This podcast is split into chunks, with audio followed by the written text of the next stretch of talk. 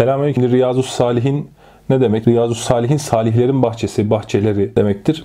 Kitabın ismi aslında belli bir şeyler anlatıyor. Kitap e, çok fazla teorik yüklü bir kitap değil. Tartışmalı konular, ilmi meseleler vesaireden ziyade bu kitap bir hadis kitabıdır. Muhammed Aleyhisselam'ın sözlerini içerir. Daha çok isminin vaat ettiği üzere yani amel yönünden, davranış yönünden sizi düzeltmek amaçlanmıştır. Hadisler ona göre seçilmiştir. Bu tarz İslam tarihinde çok fazla kitap vardır aslında.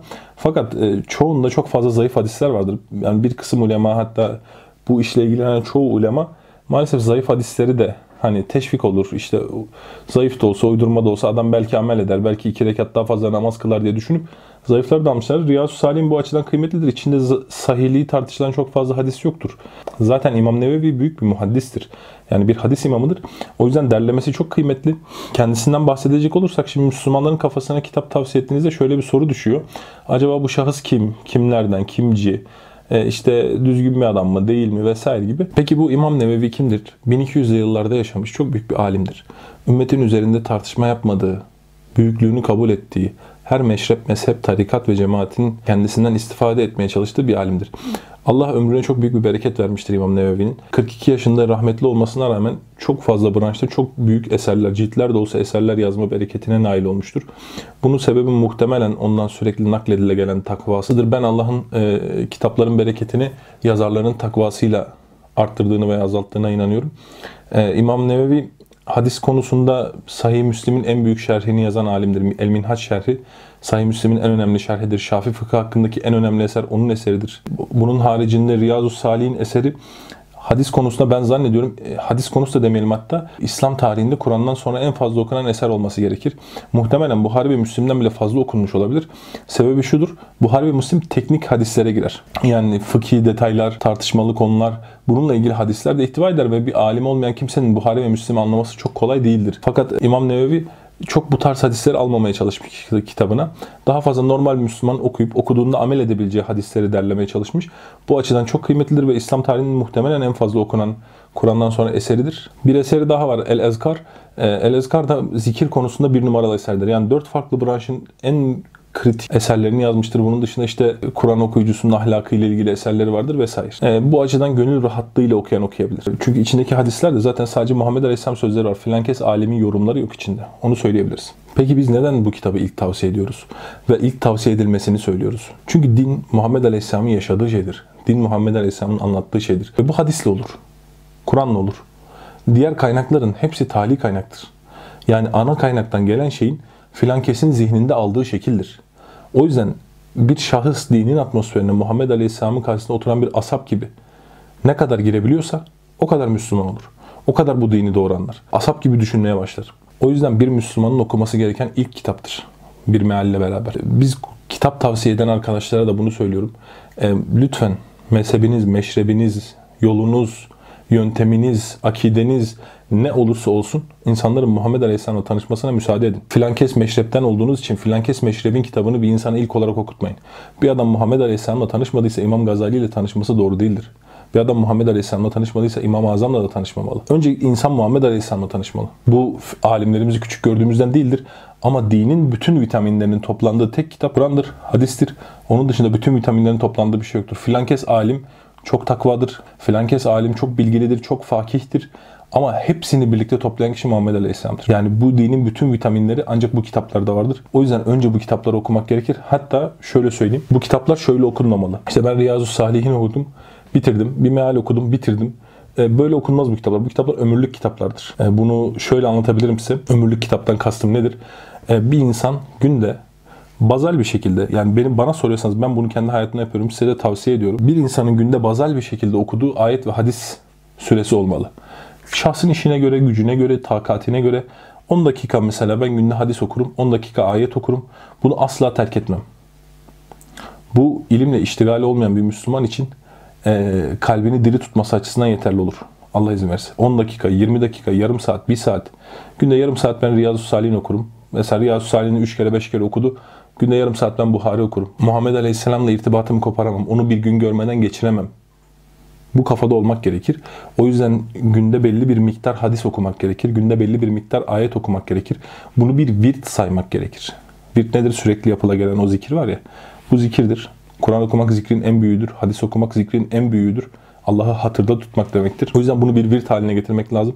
Günde 15 dakika, yarım saat kim herkesin takatine göre ayet ve hadise ayırmak gerekir. Yani siyer okusanız dahi ayet ve hadise gene şey yapın, terk etmeyin. Siyer okusanız dahi veya İslam tarihi okusanız dahi veya fıkıh usulü, tefsir usulü, hadis usulü sürekli İslami ilimlerle uğraşıyor olsanız dahi ayet ve hadisi terk etmeyin. Çünkü gerçekten inanılmaz bir bereket var ayet hadisin kendisinde. Kendisini terk etmeyin. İslami ilimlerle uğraşıyor olsanız, orada hadis okuyor olsanız bile, siyerin içindeki hadisleri okuyor olsanız bile hadise ayrı bir zaman alın.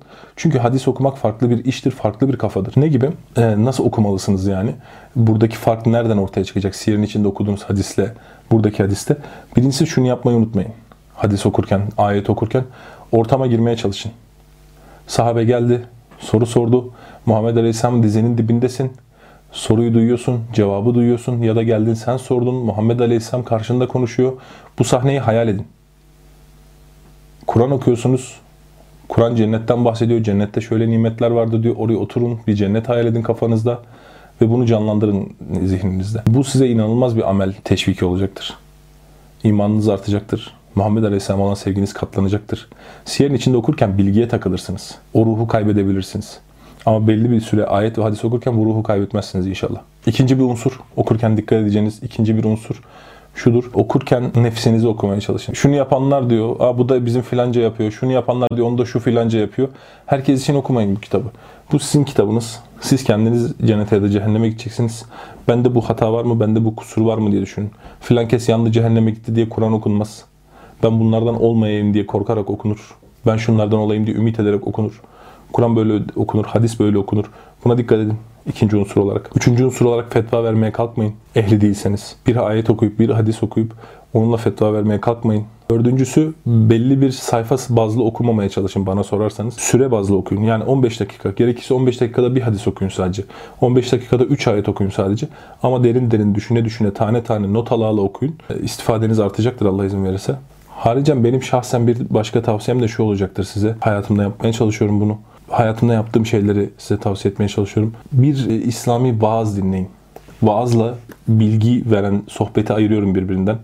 Vaaz dediğim şey senin kalbine hitap eden, seni amele sevk eden, amele yönlendiren nasihat anlamında söylüyorum. Çok ilmi olmayan ama kalbini canlandıracak vaazlar. Günde bir tane dinlemeye çalışın. Kalbinizi harekete geçirecek, sizi etkileyecek üsluba sahip bir hoca efendiden e, günde bir tane vaaz dinlemeye çalışın. Bu kalbinizin ölmemesi için çok faydalıdır.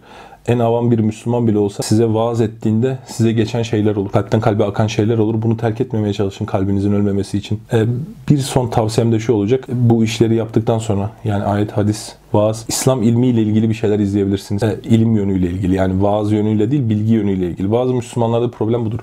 Vaaz dinleyip bilgi almaya, bazı Müslümanlar da bilgi dinleyip vaaz gibi algılamaya çalışır. Hatalıdır. İkisinde yeri ayrıdır. Ben vaaz dinliyorum şu an kalbimi canlandırmaya çalışıyorum. Ben bilgi almaya çalışıyorum. Şu an vaaz üslubuyla bilgi alınmaz. Bununla ilgili şeyler izleyin, dinleyin, okuyun. Bana sorarsanız vaazı okumayın.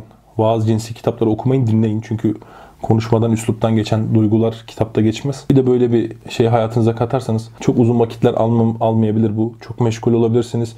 Günde 10 dakika hadise, 10 dakika ayeti, 20 dakika vaazı ayırabilirsiniz. Günde 40 dakika ayırmanız İslam dini için çok büyük bir süre değil. Bunu yapmaya çalışabilirsiniz. Ben sıfırdan başlayan bir Müslüman için gerçekten çok hızlı bir şekilde İslam algısı değişecektir. Çok hızlı bir şekilde İslam'ı anlayacaktır. İslam'ı yaşama hızı çok artacaktır.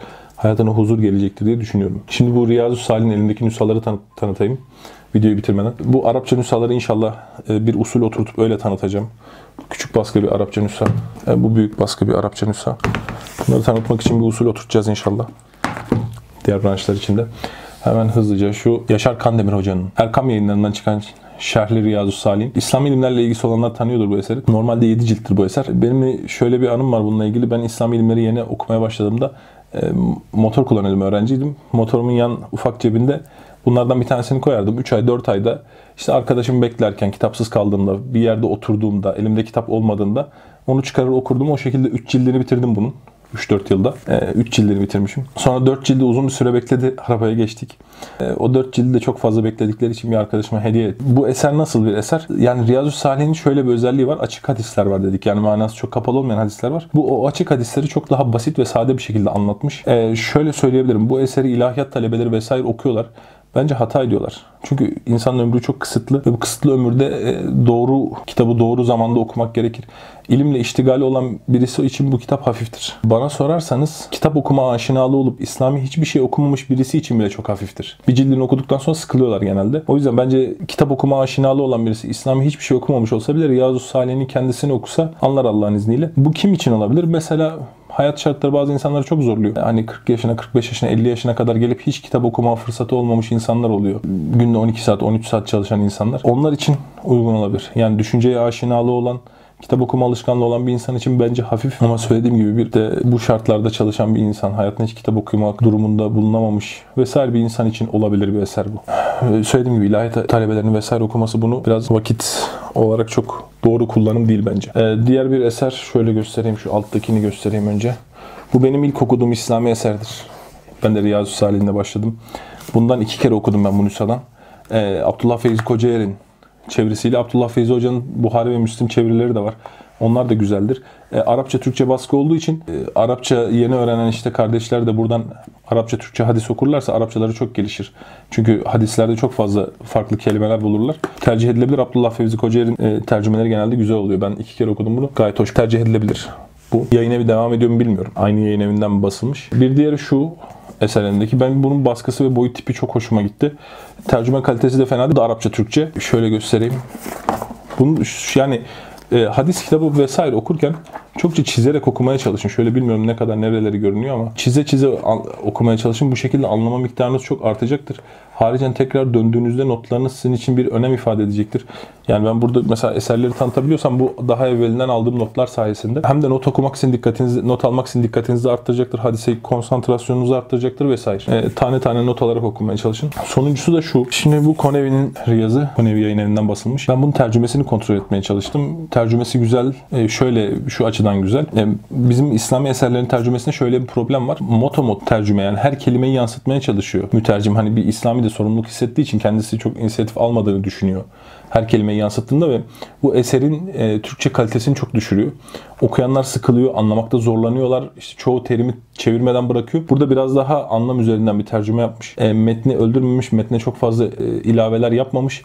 Kolay anlaşılabilir, basit ve akıcı bir dil oluşmuş bu sayede. Eser e, bir diğer yönden ucuz. Ben bu eseri dağıtmaya çalışıyorum sürekli. Yani sert kapaklı 700 sayfa bir eser. Yani şöyle gördüğünüz gibi. Sert kapaklı 700 sayfa bir eser 10 liraya 15 liraya satılıyor. Çok ucuz dağıtılması için çok uygun. Hem Müslümanlara ilk kitap olarak tavsiye ediyoruz. İlk kitap olarak kendiniz alacaksanız şunları da alabilirsiniz, bunu da alabilirsiniz. Ama e, mal mülk sahibi olan Müslümanların Riyazu Salih'in dağıtmasını tavsiye ediyorum. İlim ehlinin de bu yönde tavsiyeleri olmasını rica ediyorum. Riyazu Salih'in okumayı arttırmamız gerek. Ve ahiru davana enelhamdülillahi rabbil alemin.